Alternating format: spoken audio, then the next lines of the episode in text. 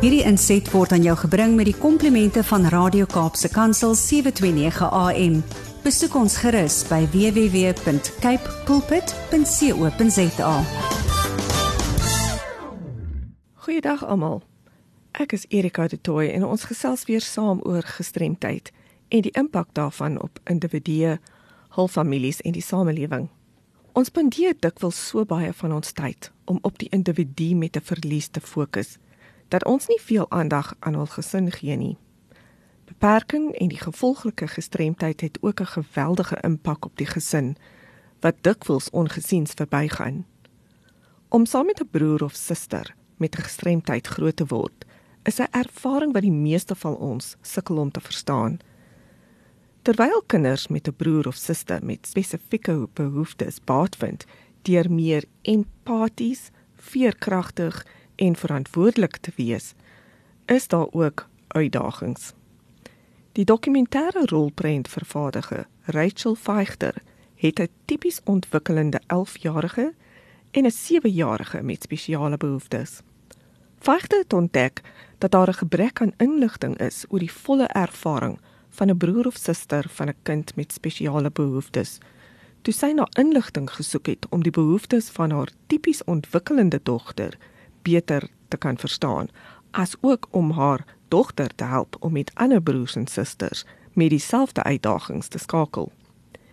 Sy het 'n reeks onderhoude met broers en susters van kinders met gestremthede begin en in die proses 'n mate van gemeenskaplike grond tussen gesinne gevind. Kinders weet hoe hard hul ouers werk om te verseker dat al hul broers en susters se behoeftes aangespreek word en sien dikwels hul ouers sukkel. Gevolglik is baie van die kinders angstig daaroor om foute te maak uit vrees dat dit tot hul ouers se las sal bydra. Kwaliteit gesinstyd kan anders lyk in gesinne met 'n kind met 'n gestremdheid. Soms verdeel ouers die verantwoordelikhede, die moeder wat die kind met die gestremdheid versorg en die vader wat die broers en susters versorg. In baie gesinne kan die broer of die suster met spesiale behoeftes om verskeie redes nie sekere geleenthede bywoon nie of na sekere plekke toe gaan nie, insluitend terapie en mediese afsprake, fisiese hindernisse tot toegang of sensoriese probleme en ander. In sommige gevalle kan die teenwoordigheid van versorgers en terapeute die belewenis van 'n gesinshuis vir kinders herdefinieer wat hulle laat voel dat die skool of 'n familielid se huis meer 'n toevlugsoord vir hulle is as hul eie huis.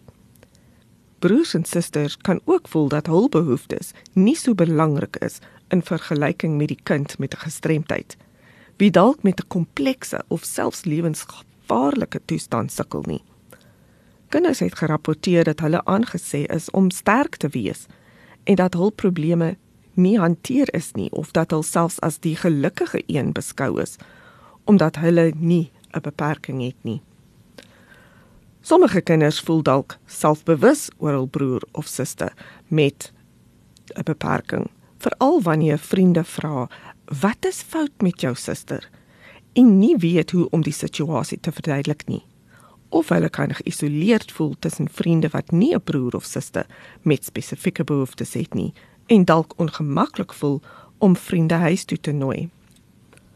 Ongelukkig leer kinders op 'n vroeër stadium dat daar nie universele aanvaarding vir individue met spesiale behoeftes is nie en dat hul broer of suster nie oral welkom is soos ander kinders nie. En dit kan baie teleurstellend wees vir kinders wat gedeelde ervarings met hul broer of suster wil hê. Dit kan selfs veroorsaak dat hulle hul vir hulle broer of suster vererg en sinies raak oor die wêreld se behandeling van persone met gestremthede. Daar word ook van sommige kinders verwag om van kleins af na hul broer of suster met 'n verlies te help versorg. Dit sluit in om voortdurend aandag aan hulle te gee, miskien hulle rolstoel te stoot, te help in terapie sessies of te help met voeding en aantrek. Hierdie plaas enorme druk op kinders op 'n jong ouderdom.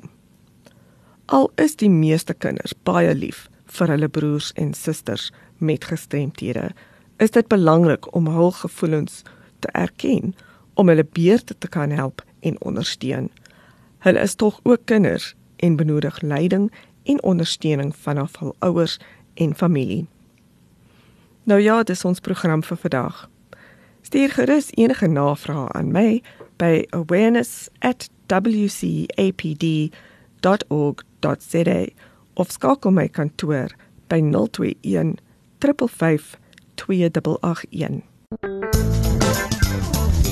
Hierdie inset was aan jou gebring met die komplimente van Radio Kaapse Kansel 729 AM.